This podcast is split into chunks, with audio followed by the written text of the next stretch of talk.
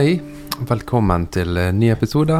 Tor, håp og ærlighet. Denne uken også, fredag klokken 07.00, så ligger det en ny episode og venter på deg. Tusen takk for at du lytter. Det er så utrolig kjekt. Mange, mange takk. I dag så vil jeg snakke om et emne som jeg har tenkt på lenge. Du har kanskje merket at jeg ofte sier det. Eh, men det er nå engang sånn at eh, det er mange emner som vi går og jobber med og tenker på og grunner på. Og jeg tror jo ærlig talt at det er ganske så sunt. Eh, ikke grubling sånn at du blir tung og trist og sånn, men, men tanker som løfter deg litt utenfor det som du vanligvis tenker. Visste du det at bare hvis du ikke gjør noen ting, altså hvis ikke du leser og putter på noe ny informasjon, eller hører podkast, hvis du ikke hører podkast, så tenker du nesten bare de samme tankene i dag som de du tenkte i går. Har du tenkt på det? altså, enkelt og greit, vi hjernevasker oss sjøl. Og hvis du går med mye bekymring, så hjernevasker du deg sjøl med bekymring, for da tenker du de samme bekymringstankene i dag som du tenkte i går. Når du faller hen og bare sitter og lar tankene surre, så surrer de på omtrent de samme tingene som de surret på i går og dagen før og dagen før og dagen før. Og så bare blir de sånn.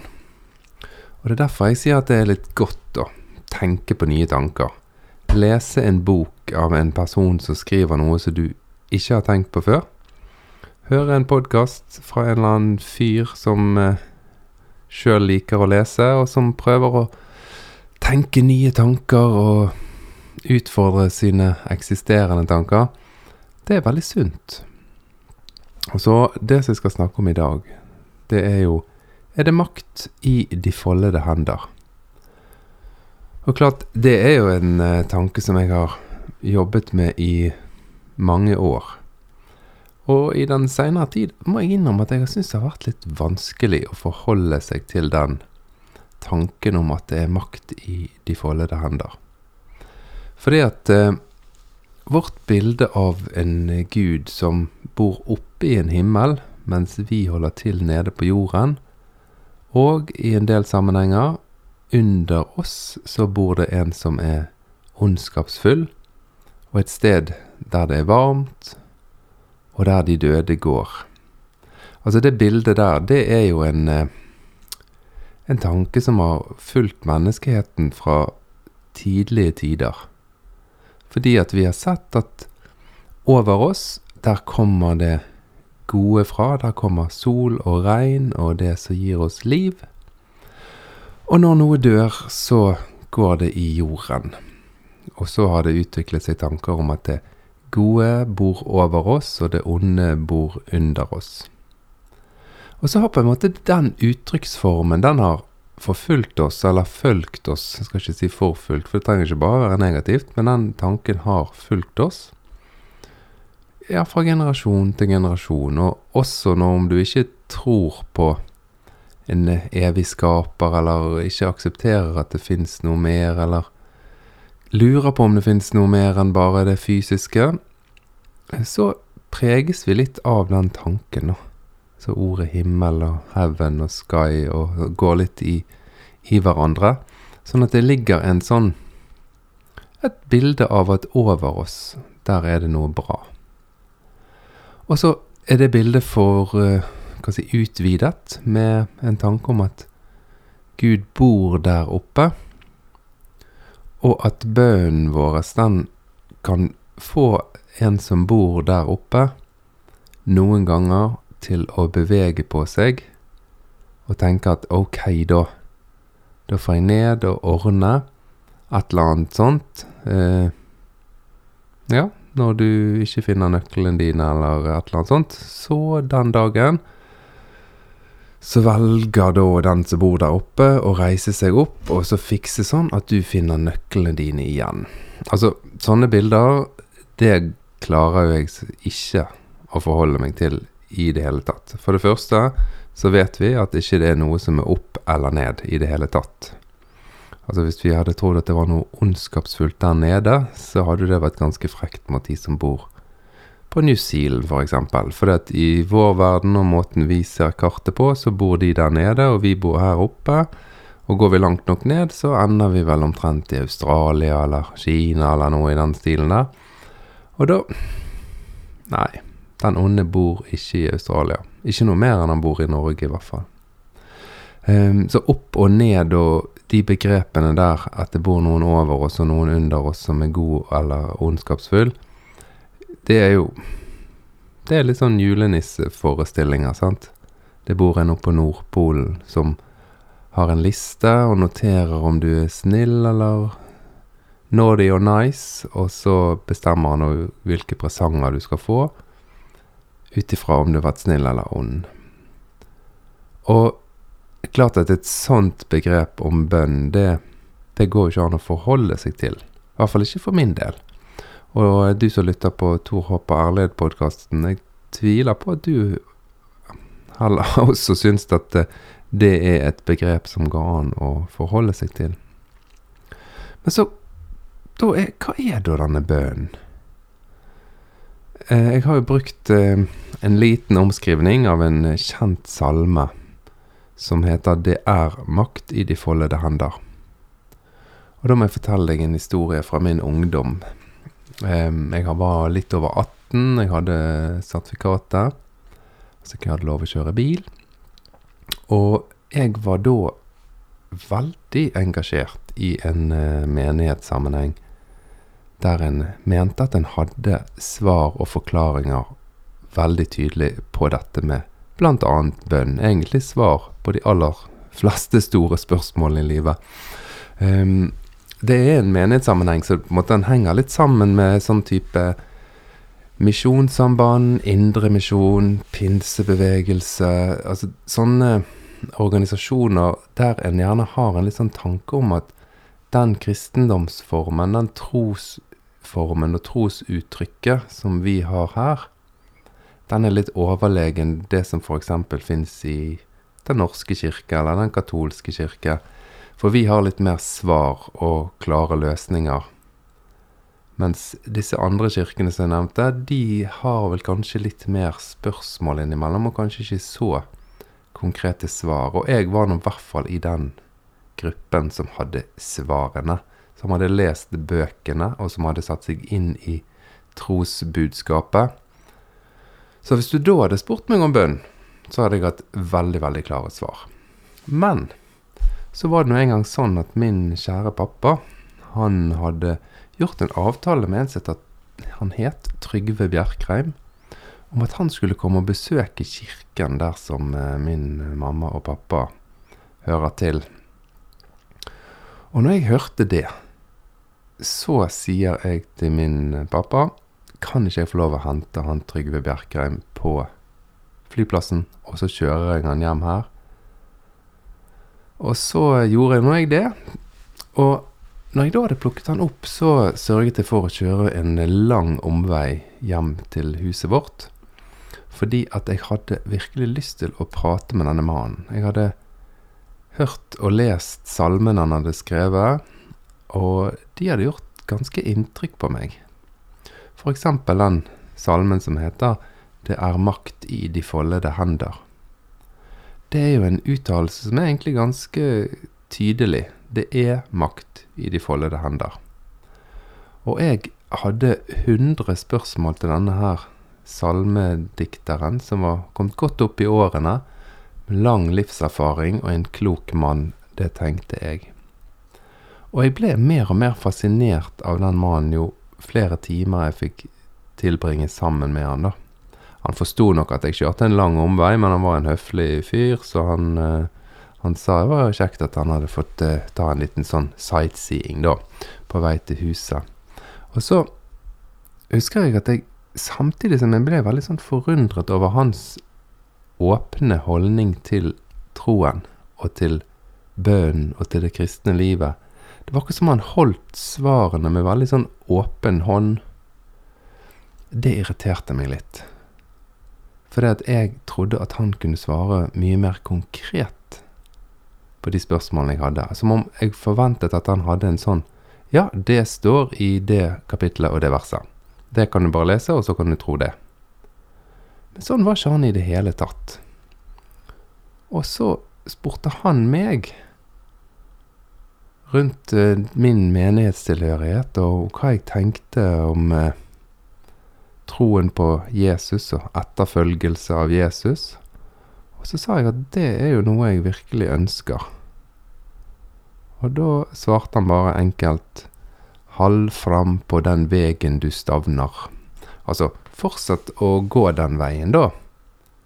Han hadde ingen mening om hvor jeg burde høre til, eller hva jeg burde si og mene om alle ting.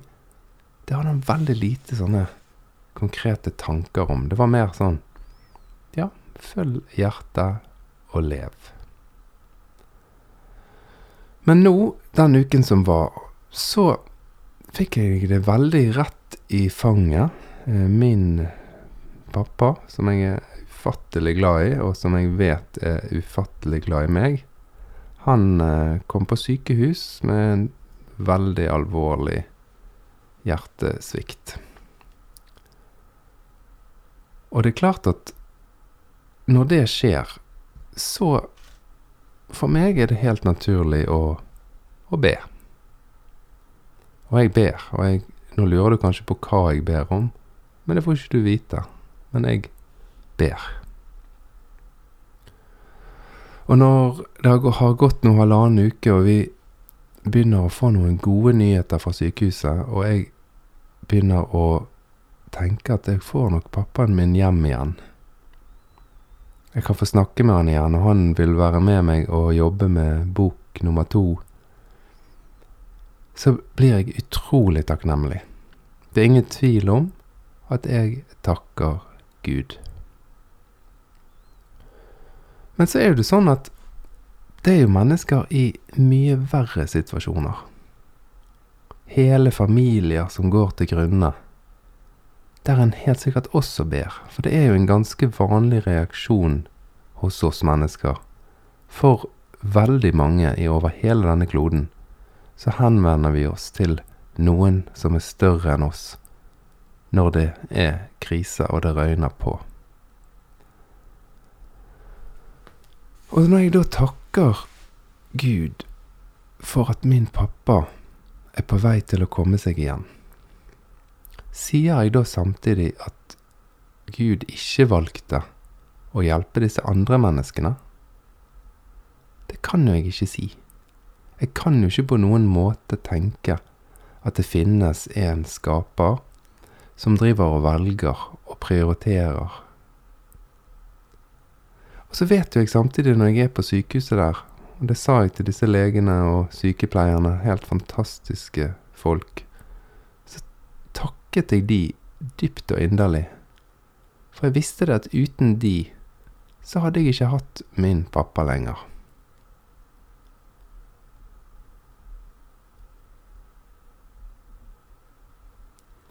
Så er det kanskje sånn at bønnesvarene våre må komme gjennom mennesker?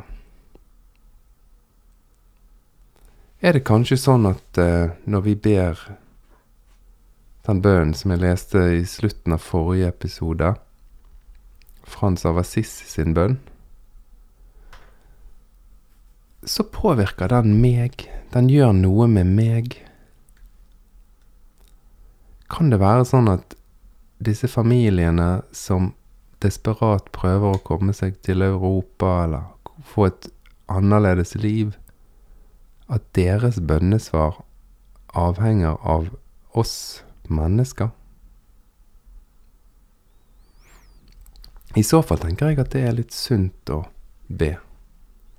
At det er litt sunt å gjenta Frans av Assisi sin bønn hver eneste dag, kanskje meg og Beate, altså min kone, vi har hatt noen perioder der vi har drevet og lest noen tidebønner sammen. Noen eh, bønner som vi eh, fant i, i, Wales på en tur vi var der. Og jeg skal være ærlig talt si at jeg opplever at de bønnene gjør noe med meg. Den eh, forandrer ikke så mange andre. Og kan det være det som er kjernen av bønn? At ved å tenke og si bønner som mennesker har jobbet med og tenkt på, så skjer det en forandring i meg.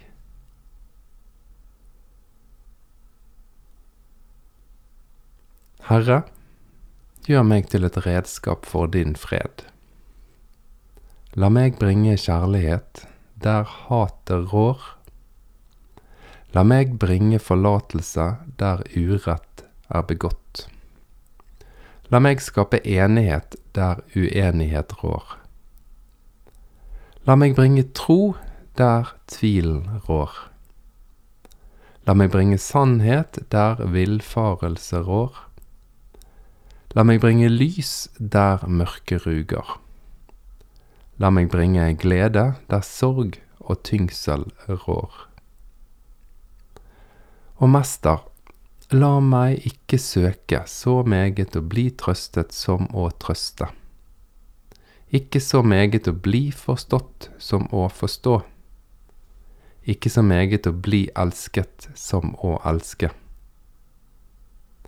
For det er gjennom at man gir, at man får.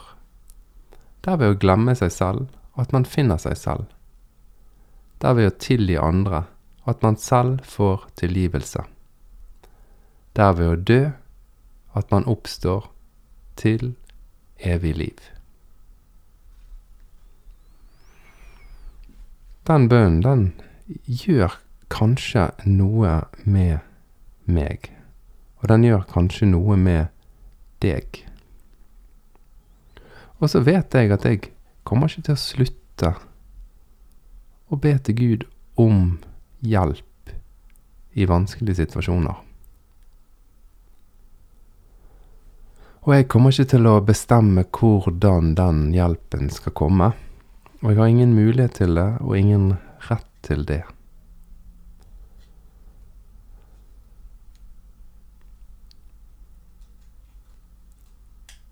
Denne her episoden jeg tenkte jeg skulle være bare noen innledende tanker rundt bønn, og rundt hva det er å kommunisere med den vi tenker er skaperen. Men som jeg har nevnt i tidligere episoder, tenk hvis skaperen, tenk hvis Gud, det begrepet Gud som vi bruker, tenk hvis det er kjærligheten imellom oss mennesker. Kjærligheten mellom oss og skaperverket. Tenk hvis det er der vi finner Gud. Tenk hvis den skaperen ikke er en mann som bor over en sky, og som av og til velger å gjøre noe bra for noen få.